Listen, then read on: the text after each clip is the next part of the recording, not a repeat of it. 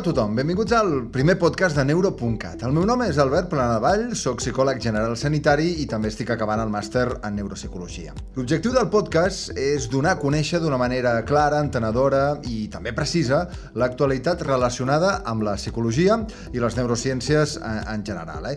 Podreu trobar tot el contingut que anem parlant a la web de Neuro.cat. Intentarem que siguin podcasts breus i sobretot fàcils d'entendre i també lligats als estudis científics més recents. Per això, tot el que anem explicant provindrà de les principals fonts científiques. El tema d'aquest primer podcast és com l'ansietat eh, pot afectar la nostra concentració, un tema a l'ordre del dia a causa de la pandèmia que ens ha tocat viure.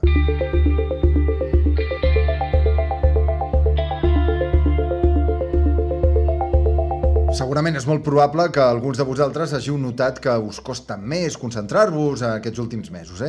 Una de les possibles causes, que no la única, podria ser l'ansietat que ens ha provocat la pandèmia del Covid-19 i com aquesta afecta la nostra memòria de treball o també coneguda com a operativa.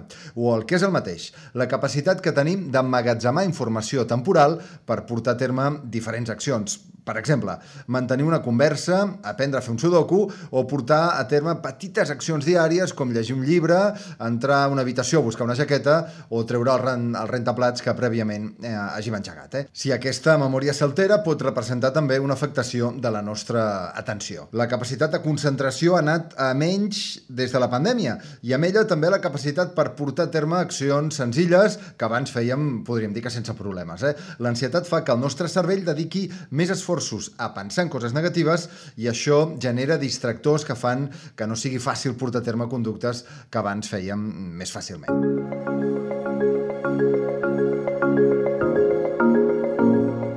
Un estudi portat a terme fa poc a Finlàndia ha trobat una relació clara entre l'augment de l'ansietat i un menor rendiment del que es coneix com la memòria de treball. Eh? Una situació estressant permanent es tradueix en una pitjor memòria fent les tasques més simples amb molt més complicades per nosaltres.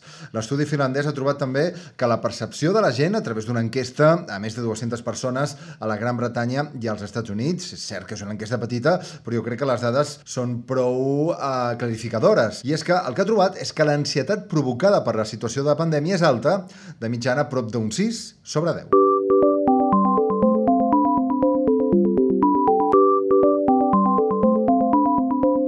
D'altra banda, i també important, l'ansietat provoca que dormim pitjor. Aquesta falta de descans nocturn es tradueix en un empitjorament de la memòria de treball, segons el professor Oliver Robinson de la Universitat de Londres, qui també ha afegit que fer una senzilla llista de la compra ara requereix dedicar-li molta més energia cognitiva que abans. Una bona manera de millorar la nostra memòria és reduint els factors que ens provoquen aquesta ansietat, per exemple, disminuint el nostre consum diari de notícies relacionades amb la pandèmia o limitant també el temps que dediquem, per exemple, a les xarxes socials. Una altra bona opció, que no fàcil a vegades, és simplement entendre que està bé admetre que no estàs bé. És a dir, acceptar que la situació actual provoca que no ens sentim bé del tot i que això és completament normal. De totes maneres, davant de qualsevol dubte, el que millor es pot fer és anar a buscar ajuda psicològica professional. Doncs res, gràcies per escoltar aquest primer podcast. Si t'ha agradat, no dubtis en recomanar-lo i deixar la teva valoració. Gràcies i fins la pròxima.